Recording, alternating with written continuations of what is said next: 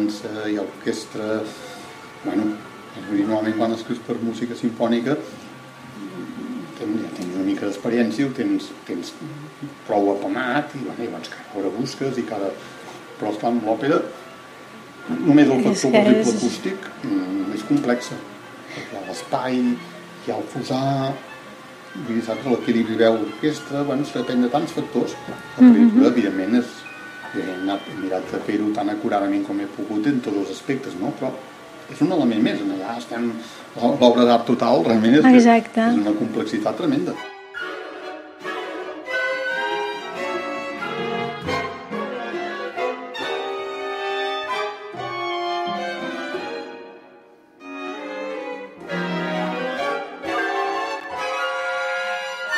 Jo crec que el primer, el primer diguem-ne, és decidir, diguem-ne, quin tipus... Jo, per mi, diguem-ne, jo em em remeto una mica a Monteverdi, eh? Vull dir, o sigui, aquest sentit de que les, la, la música és la, ser, és la servent de les paraules, no? Una mica aquest sentit de dir, les paraules, diguem-ne, motiven i fan sortir, diguem-ne, la música, però bueno, això és una experiència com la música vocal. I fins i tot amb Hamlet, sobretot amb Hamlet, que, que hi havia un actor que no canta, però recita, i també en un dels números eh, in- interactua amb l'orquestra. Clar, aquest registre, diguem-ne, dramàtic, a mi, diguem-ne, m'ha interessat molt sempre. Jo havia fet moltes coses, diguem-ne, pel món de teatre, quan era més jove, moltes companyies, etc, inclús de dansa. Després em vaig ja centrar més en composició, diguem-ne, cambra, sinfònic, i també vocal, amb, amb més música del que la gent es pensa, perquè hi ha dues col·leccions de cançons amb orquestra, una sobre Poe, l'altra sobre Miquel Martipol, llavors a més a més hi ha un líder, un líder diguem-ne, eh, un- és per soprano, l'altre és per tenor, llavors hi ha una cantata de cambra, que és més recent, amb textos de Paul Clip, per soprano, mezzo i piano, vol dir que llavors hi ha una obra per cor mixta que vaig fer pel Corto Palau, amb textos de Foix, una obra d'una certa dimensió. O sigui, jo he anat fent això de relació de música amb poesia i sempre m'ha interessat molt. Però, però esclar, no una òpera. Això és un passar, diguem, a una, una esfera superior, no? En tots els sentits. Fet, és el repte, tota seguretat, més, més important de la meva, de la meva trajectòria, no? Uh, però, clar, un dels punts, per mi, és aquest que et deia, no? D'aquest jo soc conscient que treballo amb un text molt macos, per cert, de, de Fer Rubiol, i amb unes exigències i una situació escènica i dramàtica, no? Per tant, és com un catalitzador.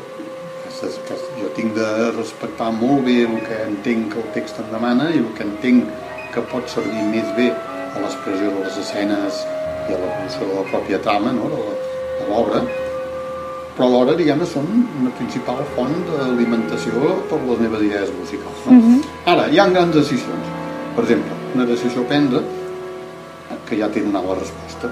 El centre de l'obra, per mi, és la veu. O sigui, l'obra, diguem-ne, neix, diguem-ne, del cant. O sigui que mm, així em pot pensar que sóc un compositor que ha treballat molt, la música sinfònica i molt la música de cambra, etc.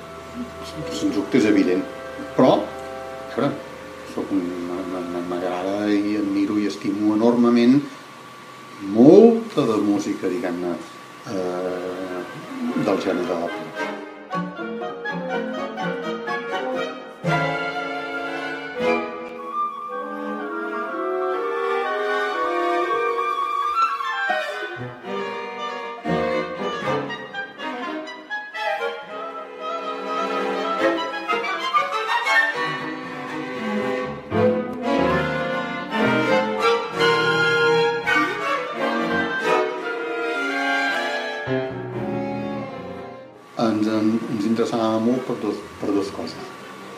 Primer lloc, per la musicalitat de l'idioma.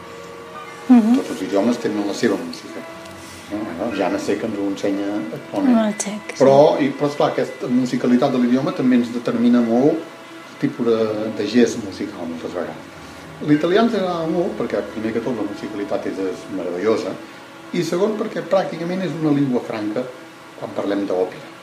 Òpera és, diguem-ne, una fàbula i música eh, té aquest sentit, no? és, és gairebé diguem-ne, la, bueno, això, la llengua franca del, del, del gènere. I per tant és molt universal. I això vol dir també un punt de distanciament.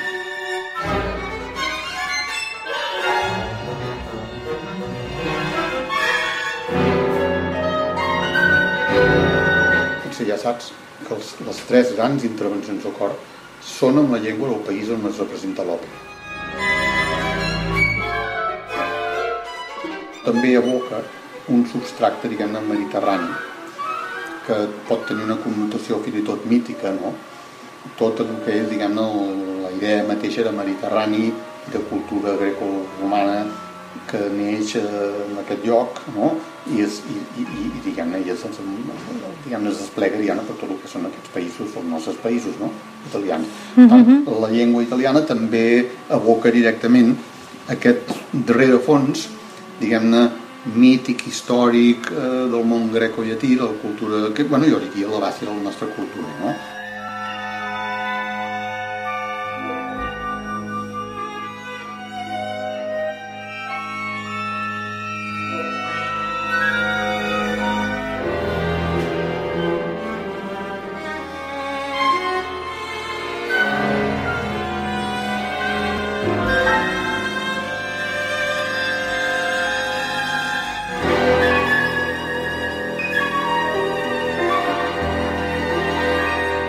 Cor és molt important perquè, en certa manera, diguem-ne, ens, ens marca els tres moments fonamentals, diguem-ne, un a cada acte, que en Rafael en diu part, bé, eh?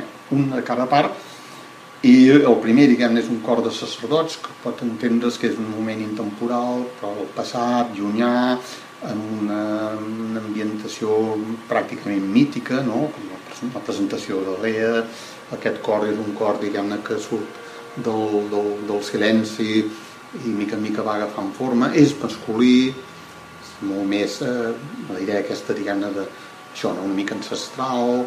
Eh, fer el segon acte, el cor ja és mixta i, i el cor, diguem-ne, ja interactua més amb els altres personatges que ja s'han presentat també en el primer acte i al final, com et deia, el tercer cor és un cor, diguem-ne, de, que, que, que són els espectadors ja.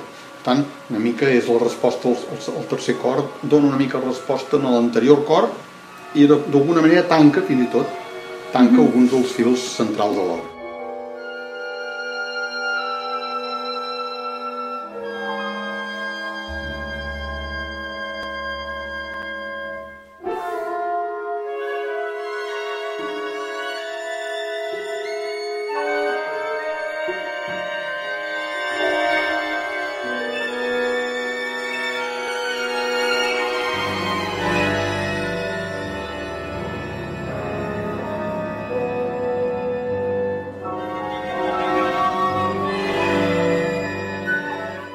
Acte es pot entendre, primera part, com una gran exposició, perquè bàsicament presentem pràcticament tots els personatges importants de l'obra. El segon, que apareix un personatge que a partir de llavors serà aquest Deus i màquina que conduirà tot, tot el segon, tota la segona part, que és en Xavier Sabata, tenor. El segon acte es pot entendre una mica com un gran esquerço en la mesura que aquí es concentra més l'aspecte aquest de, de lluita, d'enfrontament, de neguit, d'inquietud, que aquests personatges que he esmentat, que en diem mil ulls, que ho veuen tot, i mil boques, diguem-ne que, que diguem això, les insídies, les calúmnies, bueno, tot el que pots fer, els, pots fer la traducció simultània doncs, amb, amb aspectes negatius que ens envolten i, per tant, a partir del mm-hmm. segon acte estem en temps 2018, 2019, mm -hmm. contemporanis, vestits, tot és contemporani. Eh, hem fet aquest pas d'un ambient més intemporal a la realitat dura i pura.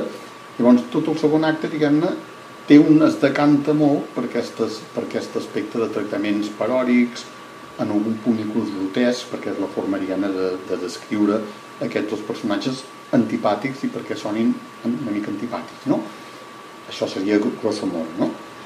Aquests dos personatges eh, una és una soprano de coloratura desquiciada i l'altre és un baix profund, els dos extrems, que inclús musicalment és una combinació excèntrica, una mica per reforçar aquesta situació marginal però insidiosa. La contrafigura d'aquests dos personatges negatius són tres personatges d'una noblesa infinita i d'una compassió humana màxima que anomenem les tres dames. Les tres dames. que Una és la Sara Blanc. Bueno, Una és la Sara Blanc, que són molt amigues. Exacte, exacte. I que jo ara seguida, quan vaig veure... Això és una cosa que vaig interpretar jo, eh? Però quan vaig veure el plantejament d'en de Rafael vaig pensar és aquest to gairebé d'himne, a vegades, de petit cor, de les tres dames del Fabonagi.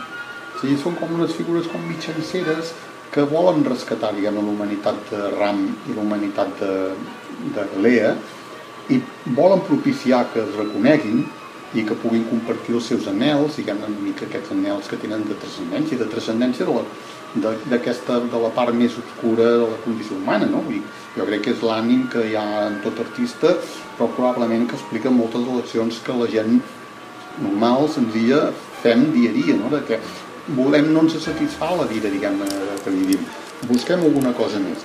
Bé, doncs, així com aquests dos personatges grotescos es podria dir que eh, obeeixen a les, a les constriccions i, i constriccions no? més negatives de la societat que ens envolta, de, de tot, ara posa-hi aquí tots els noms que vulguis, de, de, la, de, de, Vull dir, de, de tot el que la societat té de, de, de negatiu per la realització del ser humà, no? hi ha moltes coses molt positives, no? però en tot cas l'aspecte diguem-ne més positiu i més diguem-ne diguem-ne compassiu el representarien aquestes tres dames. Em són aquests tres personatges també molt importants, diguem-ne, que juguen una mica el paper contrari al del, al de, diguem-ne, el dels dos sers aquests grotescos, no? Que són un soprano, mezzo i contrari. I contra... I, eh, el, el, i el tercer acte podríem dir que és el gran aragi. De fet, és el gran un moviment lent. I, evidentment, és el, és el punt culminant de l'obra.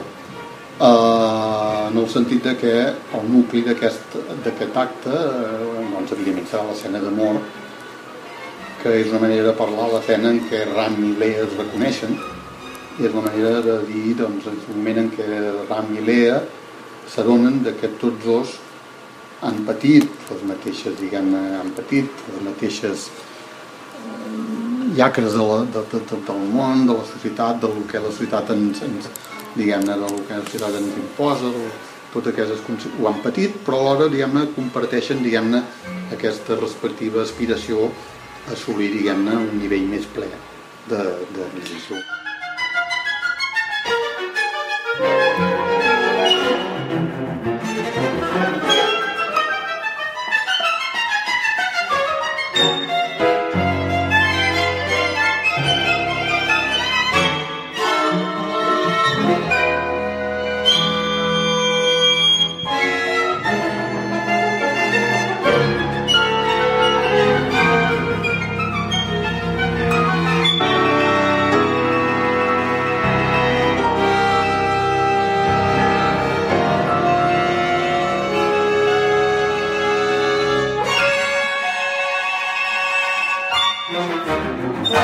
Una escena, diguem-ne, ella balla, va ballant, la música va agafant una mica de moviment, la dan- sempre, diguem-ne, hi ha la flauta, que és la que domina, no?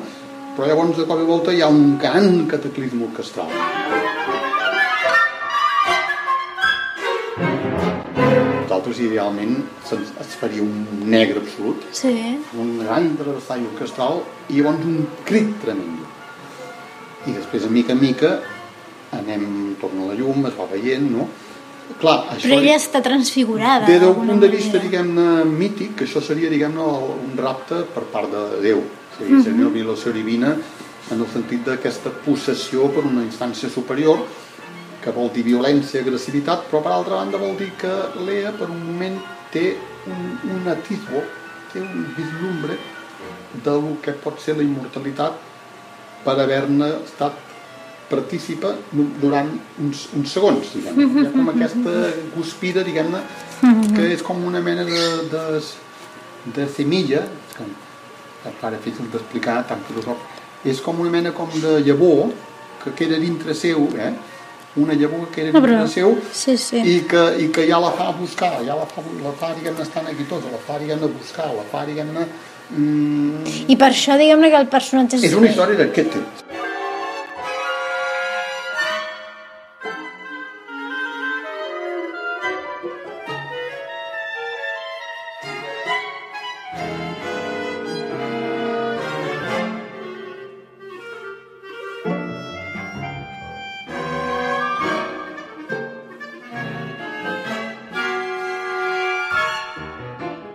Normalment aquesta búsqueda acaba amb un reconeixement d'algú anàleg amb ell que ha patit anàlogues, diguem-ne, situacions eh, eh, diguem-ne, traumàtiques, però que poden considerar-se, diguem-ne, amb, una, amb la transcendència, diguem-ne, del que pot ser una unió, diguem-ne, física, eh, moral, espiritual, en sentit complet és la nostra condició humana.